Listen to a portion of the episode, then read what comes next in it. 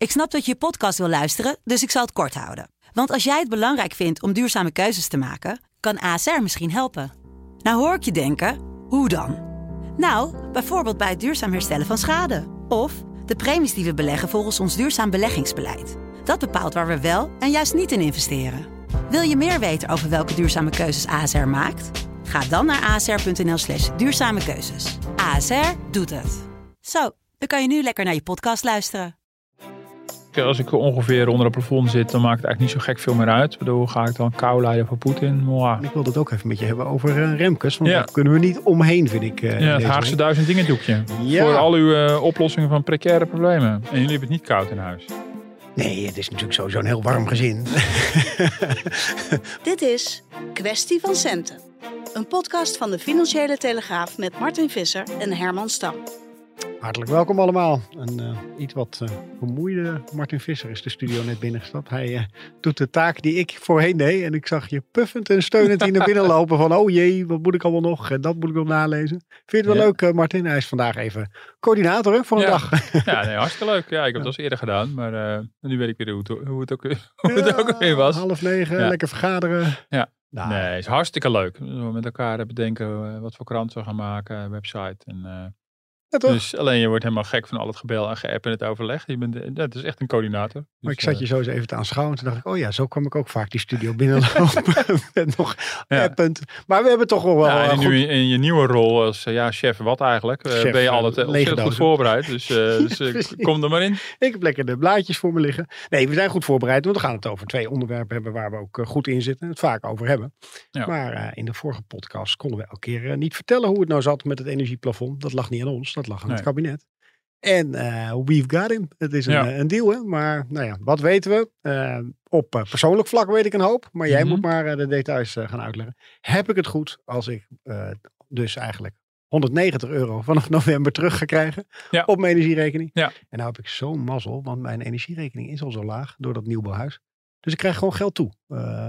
Of Ja, of ze, ik geloof het elke keer niet dat het zo, eh, Nee, dat het zo ja, zit. ik weet niet of dat zo, zo gaat. Dat, dat is een go- goed eh, punt. Want jij betaalt hoeveel? 95 euro Ah, per ja. maand. Ik mocht het Ja. laatst nog verlagen. Zo goed geïsoleerd en alles Ja. is het. Ja, Ongelooflijk. zo, ik durf bijna niet te zeggen. Dat, eh, dit. nee.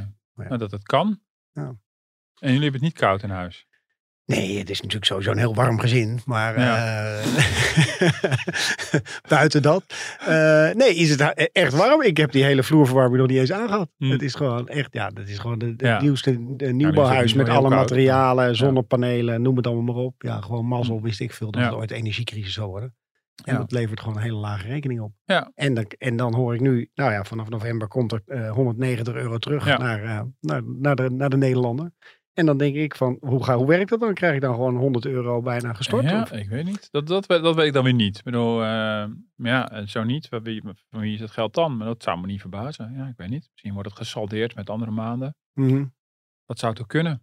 Ah, Ja. dat is helemaal, en jij even op persoonlijk vlak ook blij. Want je hebt hier natuurlijk in die podcast hele lobby gehouden van nou, die stadswarmte. Dat is ook wel Ja. een dingetje voor jezelf. Ja, daar is ook iets voor geregeld. Ik heb niet de details meer paraat, maar eh, dat was natuurlijk... Ja, dat energieplafond, dat kwam natuurlijk eh, allemaal heel erg last minute. Eh, en met Prinsjesdag ja, kon er ook bijna nog niks over bekend worden gemaakt. Er werden wat richtbedragen genoemd, eh, maar dat was het dan ook weer.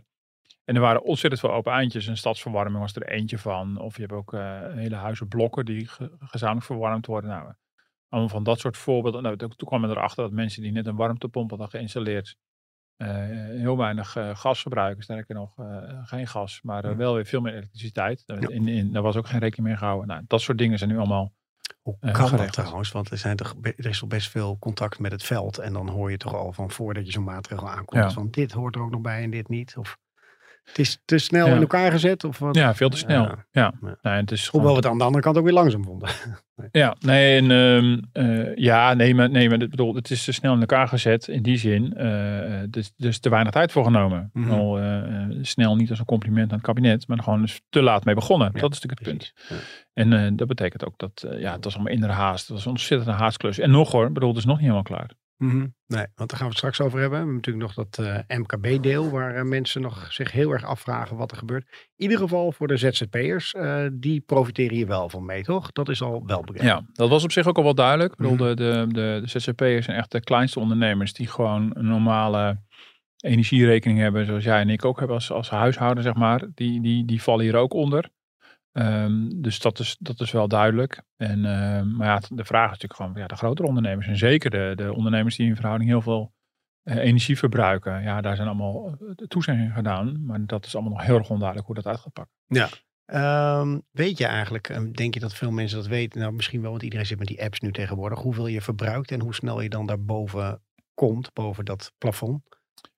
Is dat voor jezelf bijvoorbeeld bekend? Nou, Hoor je veel in je omgeving? nee, maar dat, nee, dat weet ik eigenlijk niet. Ja, ik hou wel tegenwoordig wel bij voor eigenlijk nooit van hoe. Tenminste, ik heb wel een paar keer nu gekeken via de app of mijn maandbedrag nog wel een beetje eh, correct was. Uh, maar zoals gezegd, ik gebruik dus geen gas. Op Eiburg heb je geen gas, maar stadswarmte. Nou goed, is dat ook een uitzondering. Er zijn wel meer wijken in Nederland waar dat zo is, overigens. Maar um, en, dus ja, ik, nou goed, dan blijft het heel erg particulier, maar dat, dat blijft altijd een beetje ingewikkeld met die stadswarmte, hoe dat nou precies uh, zit. Maar in principe moet je natuurlijk gewoon zelf bij kunnen houden en ook via de app wat, jou, uh, wat jouw verbruik is. Ja, dat is natuurlijk wel het mooie, dat je ja. dat tegenwoordig allemaal heel goed kan zien. En, uh, en dan word je per maand op de hoogte gehouden of je kan het real-time op je app allemaal bijhouden. Ja, en op de site van de Rijksoverheid staat gewoon keurig om, om, om de aantallen. Want er zijn natuurlijk uiteindelijk vier cijfers zijn natuurlijk hier relevant.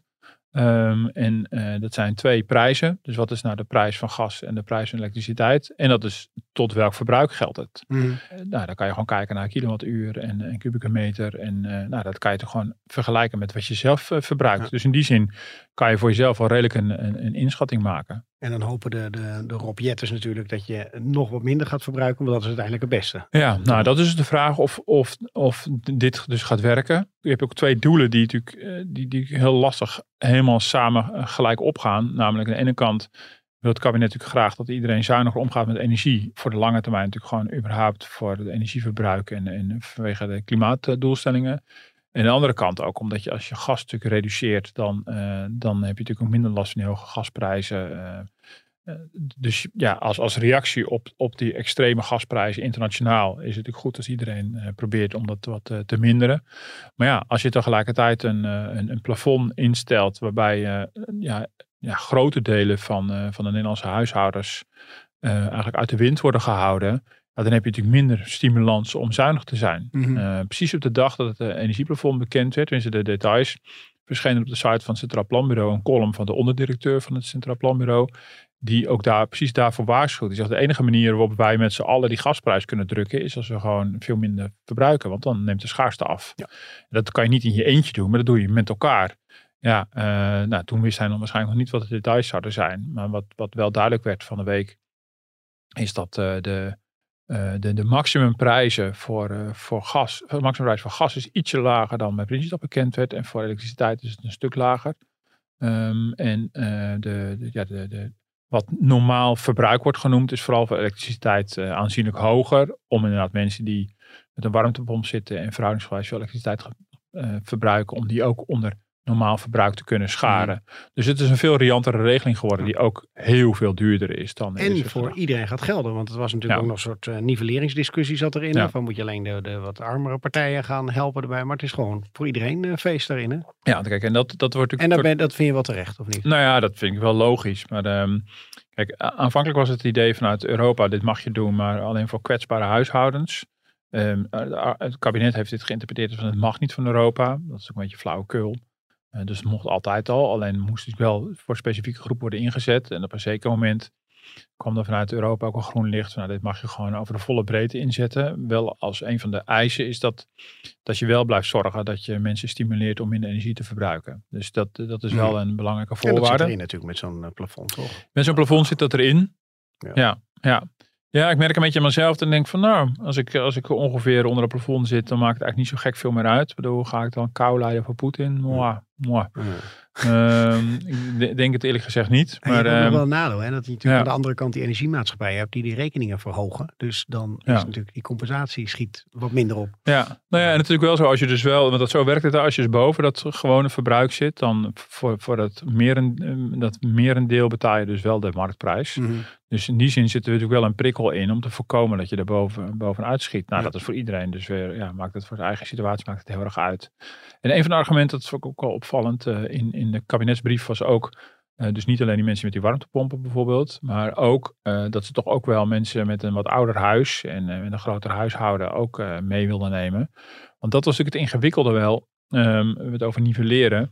Eh, maar het is niet zo dat mensen met de laagste inkomens ook minste gas verbruiken. Nee, dat is, ik bedoel, je kan zeggen, ja, mensen met een, rijke mensen hebben een groter huis. Nou ja, Hmm. nou, ja, dat kan allemaal zo wezen. Maar dat, dat kunnen ook weer mensen zijn die, die ook veel meer financiële armslag hebben om hun huis helemaal te verduurzamen. Precies, ja. En die een beetje zoals jij voor 95 euro eh, per maand eh, Ik had het nooit moeten ja, noemen, dat bedrag. heel veel geld overhouden aan die andere achtervolgen dit. luxe- Alsof ik een soort misdadiger ben. Ja. Ik heb gewoon op een gegeven moment een vast contract afgesloten voor vijf jaar. Dat is gewoon een soort van teken naar mijn energiemaatschappij Ja. dat er een vertrouwensband is. En dat pakt dan nu eh, zomaar heel aardig uit. Ja.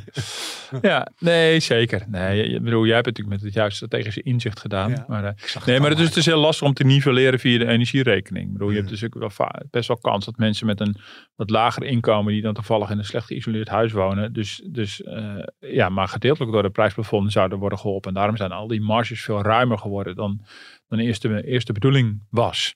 Ja. Dus ja, en, en dan is die dus in, in principe voor iedereen tot aan het normale verbruik. Maar we zijn er nog niet, want eh, het MKB, ik noemde het net Ja. eventjes. Ja. eh, de, onder andere Jacco Vonhoff in onze krant eh, de vanochtend. Die zitten nog eigenlijk in ongewis van wat komt er dan voor ons. En daar krijg ik wel weer een beetje bij van, of, hoe kan dat? Weet je, er wordt weer Brussel genoemd en dan moeten we toestemming halen. En dan denk ik, hoe kan dan niet dat MKB nu meegenomen zijn? Ja, nou, het is wel meegenomen, maar het is gewoon niet af. Nee, ja. Ja. goed. Ja. Omdat het zo ingewikkeld is. Maar dat god voor meer dingen. hè. Ik bedoel, er zitten nog heel veel losse eindjes in. Ik bedoel, er was Hmm. ook heel veel op de dag zelf. Wilden wij meteen allemaal rekenvoorbeelden aan de krant. En uiteindelijk is het ook wel gelukt. Maar wel met heel veel mits en maren. Ik bedoel, er was ook bij energiebedrijven heel veel onduidelijkheid over. Hoe ziet de energienota er nou precies uit? Wat is nou de plek van de energiebelasting in dit geheel? Eh, De BTW. Waar geldt het maximumtarief nou precies voor? Dus in, in de heel belangrijke de- details zitten heel veel onduidelijkheden. Het komt zo op het MKB hoor. Ja. Maar eh, eh, wat hier, hierbij natuurlijk ook geldt, is energiebedrijven die dan van de overheid natuurlijk een maximumprijs, eh, een, een, ja, niet meer een bepaalde maximumprijs mogen berekenen, kunnen daar verliezen opdraaien. Eh, dus de, de overheid gaat ze compenseren. Maar de overheid wil ook alweer controleren dat ze, dat die, dat, dat ze niet overcompenseren. Dus, dus er is ook aangegeven in de kabinetsbrief, en minister Jet heeft het op tv ook gezegd, ze gaan dus accountantscontroles uitoefenen, uitvoeren. Eh, dus op een manier moet, dan, moet je dan in de boeken gaan kijken van energiebedrijven, van Mhm. hoe heeft die compensaties en hoe verhoudt die zich tot, tot ja, je hele boekhouding. Eh, ja, hoe dat allemaal precies moet, dat, dat is allemaal nog te bezien. En dan heb je ook nog het punt van dat ze overwinsten willen af gaan romen. Dus ze willen voorkomen dat bepaalde energiebedrijven eh spekkoper zijn door de energiecrisis. En dat gaan ze aan de autoriteit Consument en Markt overlaten. De toezichthouder die, die de kartels bestrijdt. Maar hoe dat dan moet, is ook allemaal nog onbekend. Dus in die zin, eh, en dat is ook niet onbelangrijk. Nou, en dan maar het dus MKB. vooral eh, die waar we het net over hadden, die eh, 190 euro als ik het goed heb. Vooral in die november en december om wat tijd te kopen. Ja. En dan krijgen we echt in januari Ja. eh, hopelijk de juiste cijfers te zien. Ja, en dan is het prijsplafond eh, wordt dan ingevoerd. Dat heeft te maken met dat uitvoeringstechnisch het blijkbaar niet eerder kon. Eh, maar dat, dit zijn allemaal belangrijke details die, al- die ook nog niet klaar zijn. En dan kom je op het MKB. En daarvan eh, is nu in grote lijnen wel duidelijk in welke hoek we het moeten zoeken. Ehm, maar ja, in grote lijnen, daar heb je natuurlijk als ondernemer natuurlijk niet heel veel aan. Want je wilt natuurlijk weten, geldt het ook voor mij? Mhm. Eh, Wanneer ben je energie-intensief? Eh, wanneer ben je MKB? Wanneer val je er wel of niet onder? En mm, ja, wat men gaat doen is een soort formule loslaten op bepaalde MKB-bedrijven. eh, Waarbij ze kijken naar eh, de, de verhouding tussen jouw energiekosten en je omzet. Eh, dus welke, eh, ja, welk aandeel eh, van de energie is ook aan jouw kosten. Nou, ik kan het bijna niet reproduceren wat Hmm. er allemaal staat. Maar het, is, het klinkt allemaal super ingewikkeld. En kijken ze En dan van de laatste worden. maanden of over een aantal jaren genomen? Nou, dat weet ik allemaal niet. Nee. Nou, dat, dan overvraag je me. Ja. Er komt eh, en de uit, ik bedoel, A is de regeling nog niet klaar. En B, er wordt nu ook al gezegd, hij wordt uitgevoerd door RVO, een Rijksdienst. Die in, die in coronatijd eh, de TVL heeft uitgevoerd. De TVL was eh, de, de, de compensatie voor de vaste lasten. Ja. Eh, daar heeft de RVO destijds de handen vol aan gehad. Zo, het is uiteindelijk misschien allemaal redelijk, redelijk goed gegaan. Maar dat is allemaal echt, die waren, ja, dat liep op een gegeven moment liepen ze verschrikkelijk achter. Het was een enorme klus. En nu moeten ze iets vergelijkbaars gaan doen. En er wordt al gezegd, de regeling is uiteindelijk pas op zijn vroegst in het tweede kwartaal van 2023 in de lucht. Hmm. Nou, dit tweede kwartaal uh, begint in april en dan heb je april, mei, juni. Dus ja, dat kan april zijn, mei of juni. Dan heb je al heel wat koude maanden achter de rug. Uh, ja, dan is hopelijk de winter voorbij en dan zitten we al misschien alweer op het terras. Ja. Um, ja, en tot die tijd moet er iets van een overgangsregeling komen. Ja, nou, dan denk ik dat de bakkers denken, ja, maar dan ben ik al failliet. Mm. Of, of dan heb ik de deur al gesloten. Of, um, ja, dus dat is echt heel, heel nou, opmerkelijk. Dus hebben volgens mij die ondernemers ook, uh, lees je een beetje die verhalen, ook steeds meer problemen als ze bij een bank aankloppen. Want die zit ook een beetje van, ja, uh, wil je extra financiering? Nou, eerst maar eens even kijken of jij het wel helemaal gaat redden met jouw energierekening. Nee, dat snap ik. Kijk, en het punt is, in de krant zei Jacob Vonhoff, de, de, de, de voorman van MKB Nederland, van we willen vooral duidelijkheid hebben. Dat je als ondernemer ook weet waar je aan toe bent. En dan, dat is voor een bank ook van belang, dat je mm. weet, oké, dan en dan komt er geld aan, maar dat is ongeveer zoveel. Hans Biesheuvel van de concurrerende MKB-club, die zei, we willen ook gewoon snelheid hebben. Maar nog niet alleen die duidelijkheid, maar ook de snelheid. Nou, allebei is er niet. Dat is zo simpel is het. Maar dat gaat kosten voor de schatkist is ook onbekend. Uh, dat kan ook niet, want ja, als je de regeling niet kent, dan weet je niet meer het kost. En uh, ja, dat dit alles bij elkaar gruwelijk veel geld kosten, dat is, dat is natuurlijk wel duidelijk. Want dat, dat energieplafond voor, uh, nou, om jouw kast te spekken, dat, ja, dat, dat kost ook wonderwel ineens ook echt uh, bijna twee keer zoveel als een Prinsjesdag. En dat is maar een paar weken geleden. Ja. En uh, weet je, advocaat van de duivel, maar die ondernemers hebben natuurlijk enorme tikken gehad met corona. Maar als je een beetje het gezond voor elkaar hebt, gaat het om drie maanden dat je ja. nu, uh, dus ongewis, maar ja. een, een, behoorlijk hoge energierekening. Ja, maar je had, al de, je had al de maanden ervoor ook al, hè? de teller begint niet nee, Ik bedoel meer, redeneert het kabinet zo van, nou dat moeten ze nog maar even uit kunnen zingen. Of, of zien ze de ernst niet in? Nou, ik weet het niet. Ik, uh, ik, het heeft heel lang geduurd voor ze de ernst inzagen. Dus, dus hier geldt hetzelfde. Het, is gewoon, het gaat gewoon heel traag. Hm. En um, eerst maar de consument. En dan daarna de ondernemers. Ja. ja, ik bedoel, ze laten zich gewoon leiden door het sentiment. En heb je kans nou? Dat is, uh, het is het sentiment vanuit de maatschappij, uh, vanuit de oppositie. En uh, hoe harder erop gedrukt wordt, hoe harder ze gaan lopen. Ja, dus dat gaat gewoon gebeuren op een gegeven moment als er meer bedrijven failliet gaan, dan schrikken ze opeens en denken ze, oh jee, ja, we moeten echt meer tempo maken. Ja, ja bijvoorbeeld. Of, uh, en ze zitten wel met een dilemma, en dat is wel een, een, uh, een reëel dilemma, van ja, daar zitten ze met die ministeries heel erg mee te worstelen. Um, ja, ja, wat is ondernemersrisico en, en wat niet meer? En, en ja, hoe ver gaan we hier eigenlijk in? En na corona moet je dan bij de volgende crisis weer de economie helemaal eh, overeind houden en stutten? Dat is natuurlijk wel een reële vraag. En die vraag is eigenlijk niet beantwoord. Nu gebeurt het dus voor een belangrijk deel weer. Maar die is toch heel simpel eigenlijk? Hier kunnen ondernemers toch helemaal niks aan doen? Dat die energierekening nee, zo enorm hoog is. Nee, maar de, gemiddelde recessie kan een ondernemer niet zoveel aan doen. Ja. Dat, is, uh, dat gaat nee, ik bedoel, dit is zo specifiek ja, gerelateerd aan Oekraïne en een uh, Rust die Oekraïne invalt. Dus ja. wat heb je hier aan als bakker dat je dan niet gered wordt? Nee, zeker. Dus, dus in die zin is het geen gewoon ondernemersrisico. Hmm. Maar dan nog is het de vraag, is het misschien toch een ondernemersrisico? Nou, dat, ik weet het ook niet. Ik vind het oprecht een heel, uh, heel ingewikkelde discussie. En uh, ja, dit is, dit is evident dat ze er niets aan kunnen doen. Nou, uh, de, de een heeft, een, heeft, een, heeft het vooruitzicht dat hij een gunstig vijfjaren contract sluit. En de ander heeft de pech dat hij een slecht contract heeft. En is gewoon de zaak. Ja, is dat slecht ondernemerschap? Of dat weet je allemaal niet. Mm -hmm. Maar dat is, wel, dat is wel lastig. En waar leg je dan de grens? En wat je natuurlijk wel ziet. Nee, maar kan... ik had er prima kunnen leven. Ik heb nu mazzel, maar dat ik niet gecompenseerd was. Weet je? Dan denk ik van ja, doe het dan vooral voor mensen die enorm last hebben van die rekeningen. Ja. Dat ben ik niet. Ja, nee, dat, dat is waar. Het algemeen belang is natuurlijk dat als er een koopkrachtverlies is voor hele grote delen van, eh, van Nederland, dat dat een groot effect zou kunnen hebben op de economie. Hm. Dus, um, en het onderscheid is ook moeilijk te maken. Ja, en bij die ondernemers is dat, ook, is, dat nog, is dat nog weer extra de vraag van hoe ver gaan we daarin? En dat begrijp ik op zichzelf wel, dat je dat afvraagt. En je ziet ook de ambtenaren, die drukken natuurlijk een beetje tegen. Want die zien dat de politiek onder de electorale druk natuurlijk steeds verder gaan. Maar nou, ik nog een paar keer, maar dat prijskaartje voor het energieplafond is geëxplodeerd. Ik bedoel, met Prinsjesdag zou het prijsplafond nog uh, eh, 10 tot 15 miljard kosten. En inmiddels is het al meer dan 20 of 23 miljard. Ja. En uh, met de gasprijs van augustus had het 40 miljard gekost. Dus het zijn gigantische bedragen. Dat je denkt, oké, okay, nou, uh, nou, ik schreef het van week in mijn column. Ja, ik was heel erg voor het prijsplafond.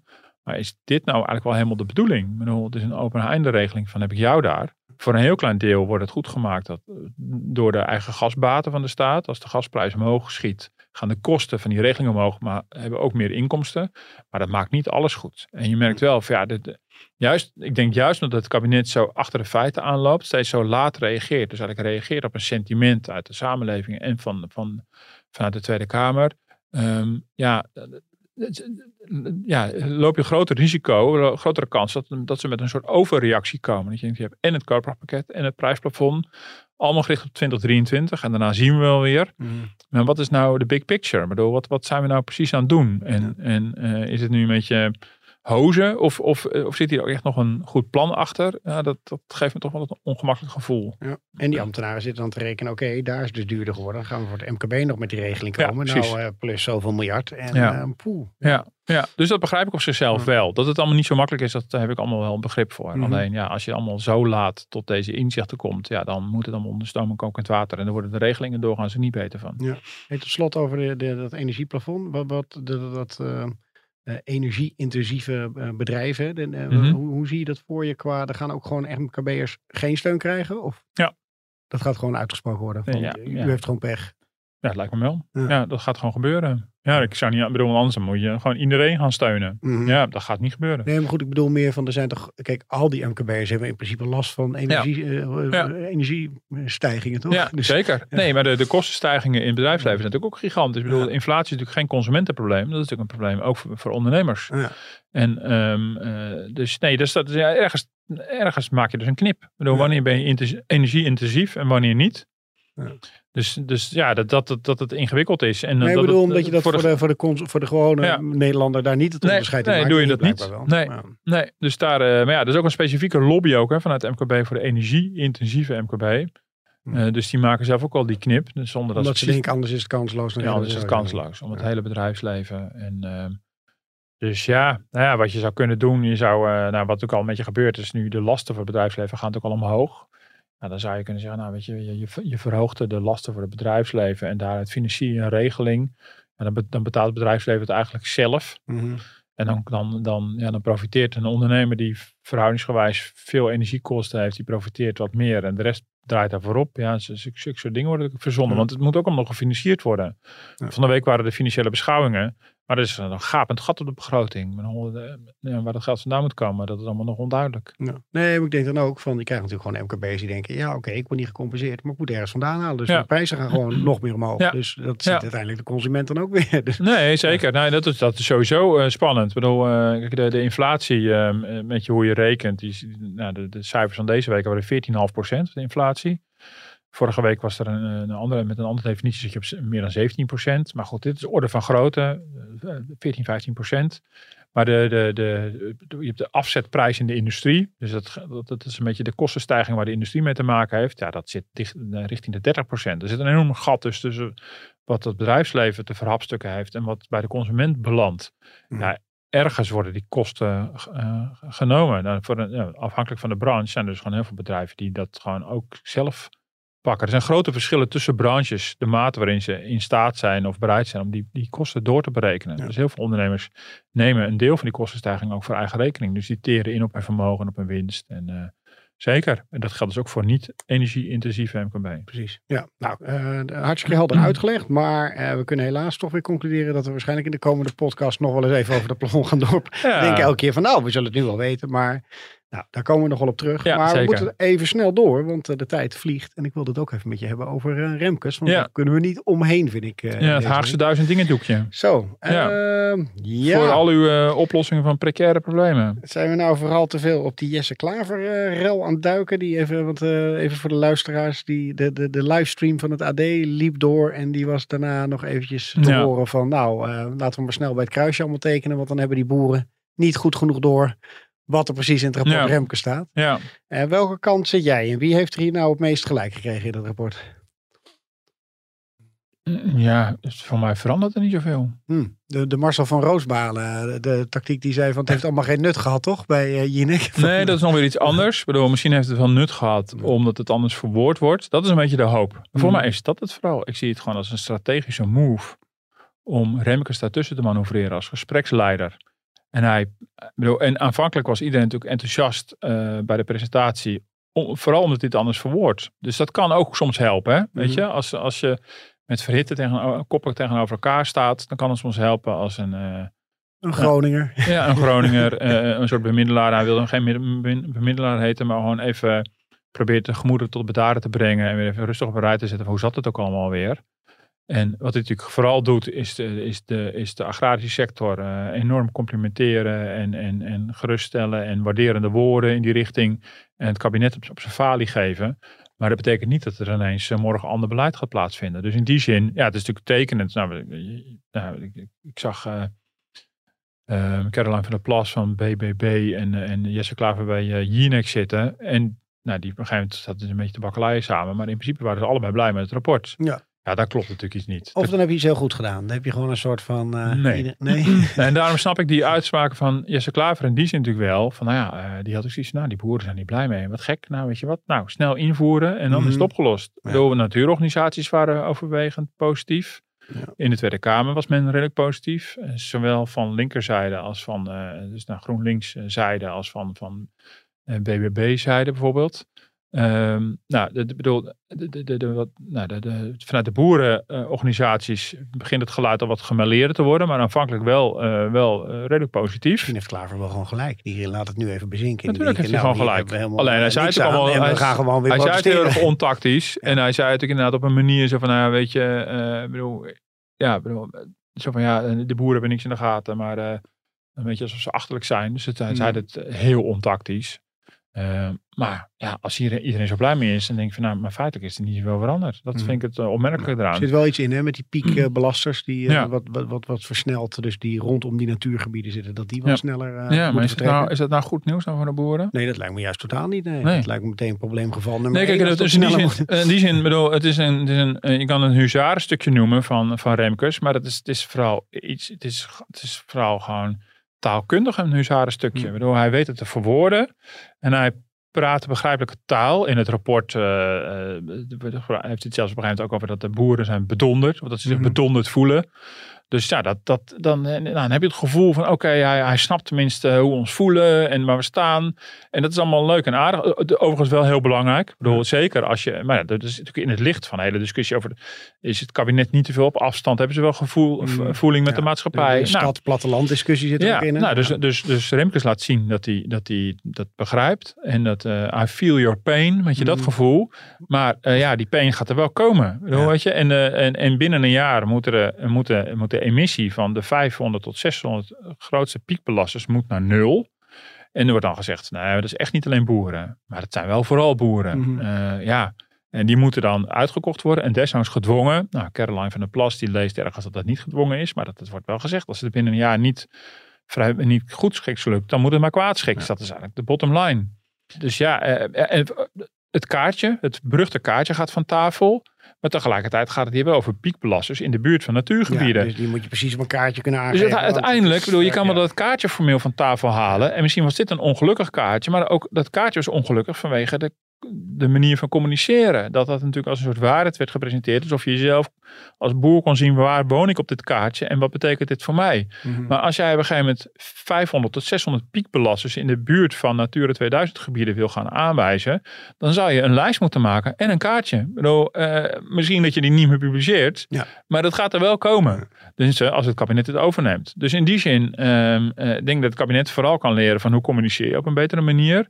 En hoe ben je ook gewoon eerlijk over een, over een onwelgevallige boodschap. Want Remkes zei ook, mijn conclusie zal niet goed vallen bij het kabinet, maar ook niet bij de boeren, zei Mm. hij. Want de veranderd, dezezelfde man heeft natuurlijk twee jaar geleden al geadviseerd over stikstof.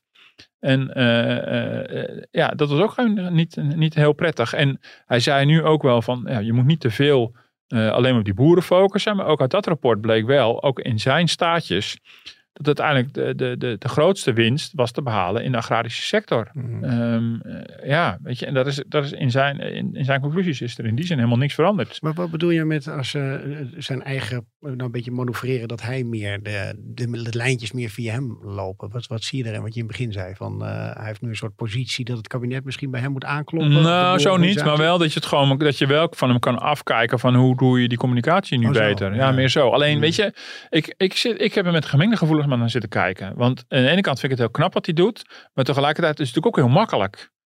Weet je, eh, eh, een minister kan ook denken van nou, ik ga ook zo communiceren. Maar uiteindelijk moet die minister wel die klote beslissingen nemen. Ja. En hij hoeft dat niet. Hij, hij kan wel zeggen, ik heb bijvoorbeeld zitten zoeken die piekbelasters. Heb ik, eh, ik heb dat stuk zitten zoeken van, maar hoe wil hij dat nou concreet? Ja, dat wordt nergens uiteindelijk Hmm. concreet. Maar uiteindelijk moet een minister Daar zeggen. gaat het precies waarom. Daar Daar, gaat het uiteindelijk weer van. En ja. uiteindelijk moet de minister zeggen, ja, maar dit is dus de lijst met pieklasters. En die gaan we dus gewoon, die moeten gewoon emissie naar nul brengen. Ja. En, eh, en als je het uiteindelijk moet uitvoeren. Ik denk dat als, Remkes nu minister zou worden van stikstof, dan krijgt hij vroeg of laat ook gezeik. Mhm. Eh, alleen natuurlijk, communicatie is wel ongelooflijk belangrijk. En, en daar is het natuurlijk helemaal op misgegaan. Ehm, eh, maar ik denk dat, ja, dat de boodschap nog steeds heel, heel vervelend blijft voor een groot deel van de agrarische sector. En hij zegt dan bijvoorbeeld richting D66 dat het, dat het echt misplaatst is om te roepen dat de veestapel moet worden gehalveerd. Maar dat is natuurlijk ook, dat snap ik wel, want dat is, dat is nogal provocatief. Maar tegelijkertijd is zijn boodschap ook dat de veestapel echt fors moet worden ingekrompen. Ja, misschien niet gehalveerd, Mhm. maar misschien met, met eh, 30, 40 procent omlaag. Maar, dat- maar dat, is, het- dus dat gaat ook weer over communicatie. Nou, net als met dat kaartje. Dat kaartje moet van tafel.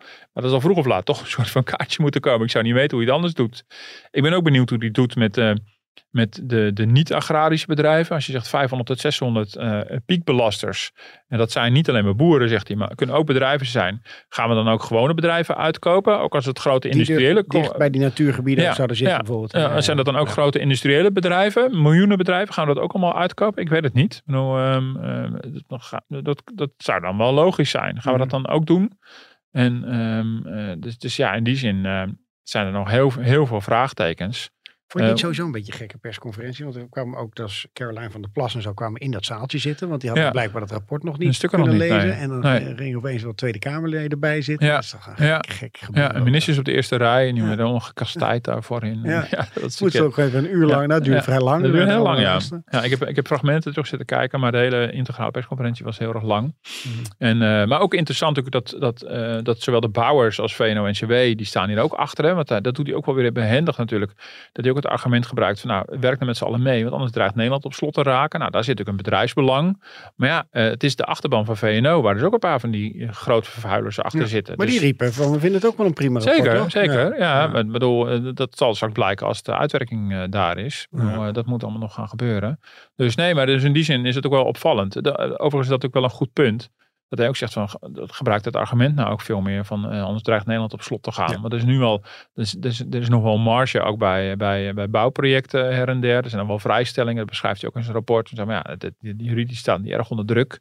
Dus we lopen echt een risico dat als we niet heel snel ingrijpen bij die, bij die, bij die eh, piekbelasters, groot vervuilers. Dus ook al zo'n woord. Piekbelaster klinkt alweer wat anders dan een groot Mhm. vervuiler. Dat is al een beetje Ja. soort moreel oordeel.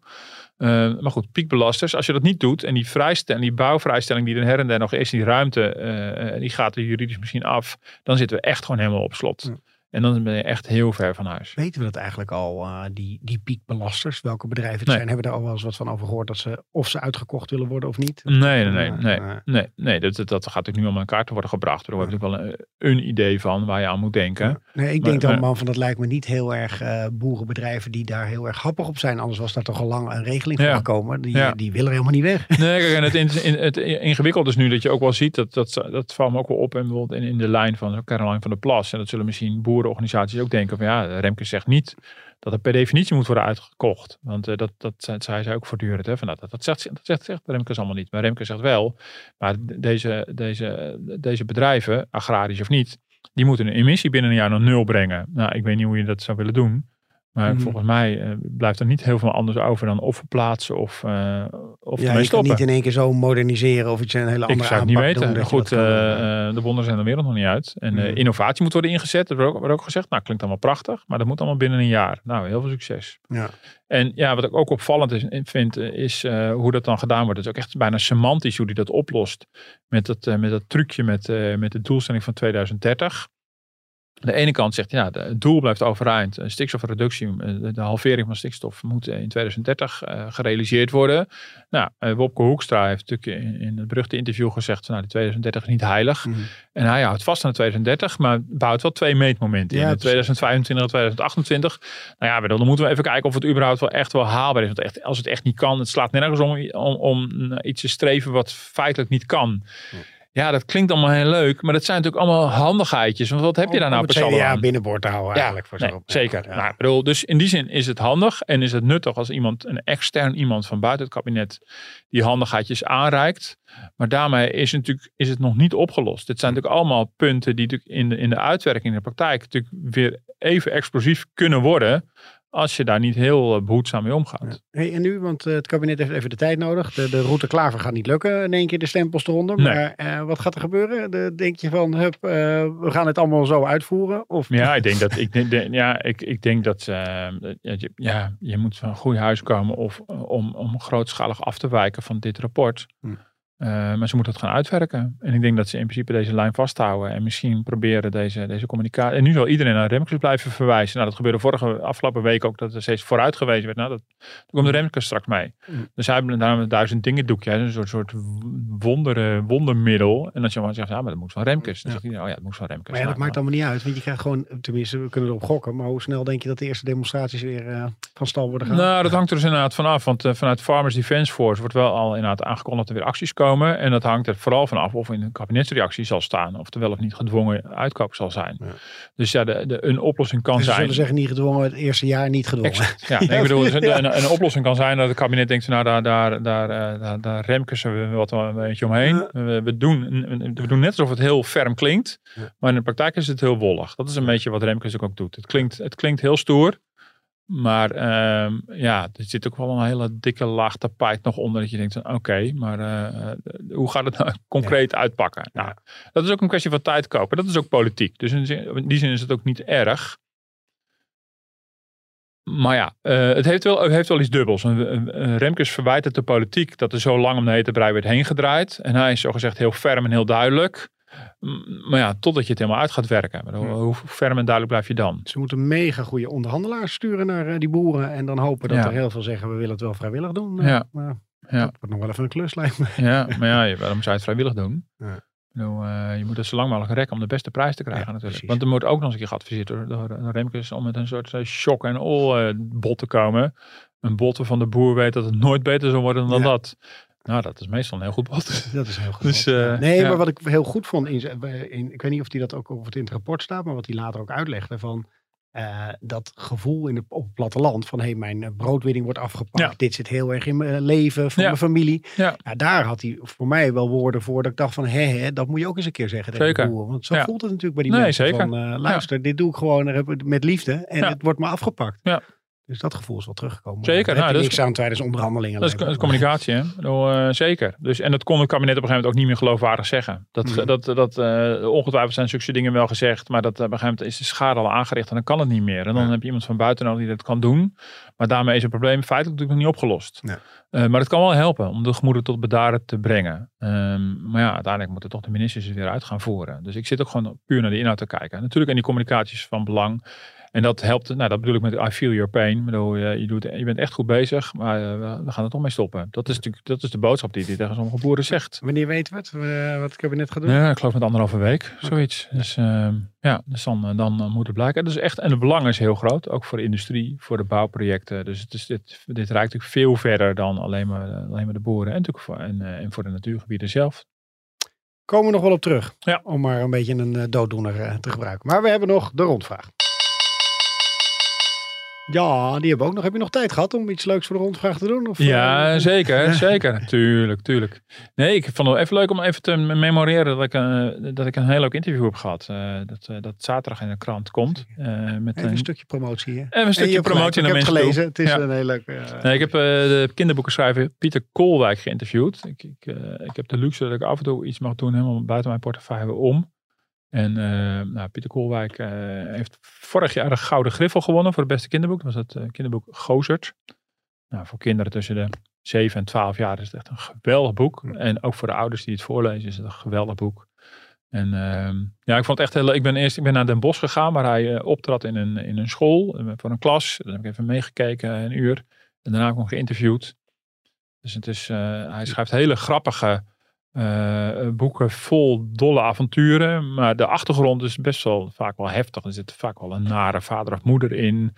Eh, de dood speelt een belangrijke rol. Dus het zijn best wel zware thema's die op een hele bijzondere manier worden verpakt. Nou, het interview gaat er vooral over wat dit over zijn eigen levensverhaal zegt. En nou, het was een indrukwekkend gesprek. Ja, je begon ook eh, dat het jezelf ook ontroerde. Ja, Dat zeker, ja. Ja, ja. En, eh, Ja, ja, dat zag je wel. Ik vond heel erg de pijn ook van zijn eigen jeugd. Ja, Dat je ja, terug las. Ja, dat was wel heel, eh, was heel bijzonder. En hij aarzelde er ook om erover te vertellen. Aan de ene kant vertel, ook in de klas zegt hij er iets over, maar altijd in een paar losse zinnetjes en dan praat hij snel door. En nu in het interview had ik de tijd om daar eens door te vragen. En ehm, ja, je zit in iemands privéleven te vroeten. Dat is aan de ene kant ongemakkelijk. Maar, ja, maar tegelijkertijd was ik ook heel benieuwd. Hij heeft zes, zes of zeven boeken inmiddels geschreven. Ehm, waarvan Gozer dan echt eh, veruit het best verkochte is. En eh, echt een aanrader. Ja, en ik denk, ja, maar, maar die ja, bijna zwartgallige, of, of ja, die, die wat, wat donkere of zwarte context van, van die verhalen, dat moet ergens vandaan komen. Mhm. En dat vind ik toch wel heel, eh, Ja. Nee, maar dat is Mooi. heel relevant, want Ja. je weet nu precies waar dat vandaan ja, komt. Dat- en hij, en hij is ook in staat om in klassen die gesprekken ook op een ander level te krijgen. Dat echt wel verder gaat dan alleen maar eh, happy die peppy verhalen. Mhm. Dus ehm, dat vind ik ook wel heel, heel bijzonder. Daar vertelde hij ook wel iets over. Heel goed. Ja. En een beetje promotie voor je eigen interviews is helemaal niet slecht. Nee, hoor. Eh, dat is gewoon helemaal terecht. En jij nog eh nou, ik wilde de eigenlijk over die hele eng- enge dingen. Die, ik wilde eigenlijk over die hele Damer, eh, die Jeffrey, eh, zeg je, spreek het goed uit? Ja, Damer spreek, ik uit, spreek je het uit. Hè? Ehm, eh, ik weet niet, heb je het al gezien op Netflix? De Nee, Milwaukee eh, Cannibal. nee. Waar zoveel over te doen is. Uh, Oh, die serie die er vanaf moet. Van, Ja. Nou, Oh, eh, ja. dat, dat moet dat allemaal die verheerlijking van dat soort massamoordenaars. En ik dacht, ja, ik ben er niet heel erg dol op, maar ik ga toch kijken. Maar ik heb het elke keer s'avonds zitten kijken, vlak voordat ik ging slapen. Dat is sowieso al niet heel lekker voor je gemoedsrust. Het is echt heel smerig vooral. Oh ja. Ik vind er niet zo heel erg die verheerlijking in zitten van hem. Want Hmm. ik vind hem vooral echt een heel eng, zielig mannetje. ja. Maar nu zag ik ook nog dat Netflix, die reageert er niet op. Want die, eh, ik geloof ook, eh, die families in Amerika hebben ook gezegd van dit willen we eigenlijk helemaal niet. En het is verkeer, schetst een verkeerd beeld. Maar ondertussen gaan ze gewoon nog eventjes een extra serie uitbrengen Oh ja, over die man. ja. Nou ja, dat is dan ook wel weer het andere Ja, uit. Dus, ja, ik was er op een gegeven moment al met je klaar mee. Want uiteindelijk kom je erachter, er zijn heel veel series die eigenlijk altijd over seriemoordenaars gaan. Maar dan, ja, Ja. dat klopt. Ik bedoel, het, Fascineert. wo- het woord zegt het al een beetje. Ik Mhm. bedoel, dat is ook, ook, ja, daar kan je het ook makkelijk een serie mee maken. Ja. Want in elke nieuwe aflevering is er weer een nieuwe moord. Ja. Op een gegeven moment denk je, ja, jemig, zeg maar, hoeveel procent van de, van de moorden is een seriemoord? Ik bedoel, eh, de seriemoorden zijn een beetje eh, overgewaardeerd op, op Netflix, wat mij betreft. Ja. Maar goed, ja, het kan niet een minder mooie serie zijn. Dat, dat- Nou, dat weet mooi. ik niet. maar- Ja, nou ja, goed. Ik, heb, ik, heb, ik, het voelde een beetje Ja. als huiswerk. En Oh, ja. eh, ook dat ik dacht van, nou, een hele onrustige nacht. Eh, Seriemoord als het huiswerk. is- Ja, het is goed. Nou ja, eh, ik, kijk ernaar. Ik, zou het jou ook aanraden. Of kijk even één, deel. En dan eh, weet je wel een beetje wat ik eh, bedoel. Nou, ik moet er even over nadenken. Heel goed. Nou, eh, dat gezegd hebben. Dan gaan we afsluiten. Eh, Ja. U kunt ons mailen op podcast.dft.nl. En ook wat, zal ik hem even pakken voor doe jij vandaag? met Dan hoef jij niet met je Kijk duim. of je het kan. En heb geen idee eigenlijk hoe dit werkt. U kunt eh, sterren, duimpjes geven of ons warm aanbevelen. Op allerlei podcasts. Ballonnetjes. Dat vinden we leuk. Ja. Ja. kan u een ballonnetje, Zonnetjes? ballonnetje Nee, oplaten, wat u wil. Eh, want dat vinden we leuk, want dan eh, komen we hoog in de ranking en daar zijn we dol op natuurlijk. Een stukje promotie nog van onszelf Ja. ter afsluiting. En goed. volgende week zijn we er weer en daarna gaan we een weekje op vakantie, op herfstvakantie. Ja, ik geloof het. Ik Ja. wel, ik weet niet Ja. wat jij gaat doen. Jij ook, of niet? ja, ik heb niet zoveel strepen als jij in sterren. Maar nee, ik ga ook op vakantie. Ja, heel goed. Nou ja, maar ja, volgende week zijn we gewoon nog te beluisteren. Dus tot volgende week. Tot volgende week.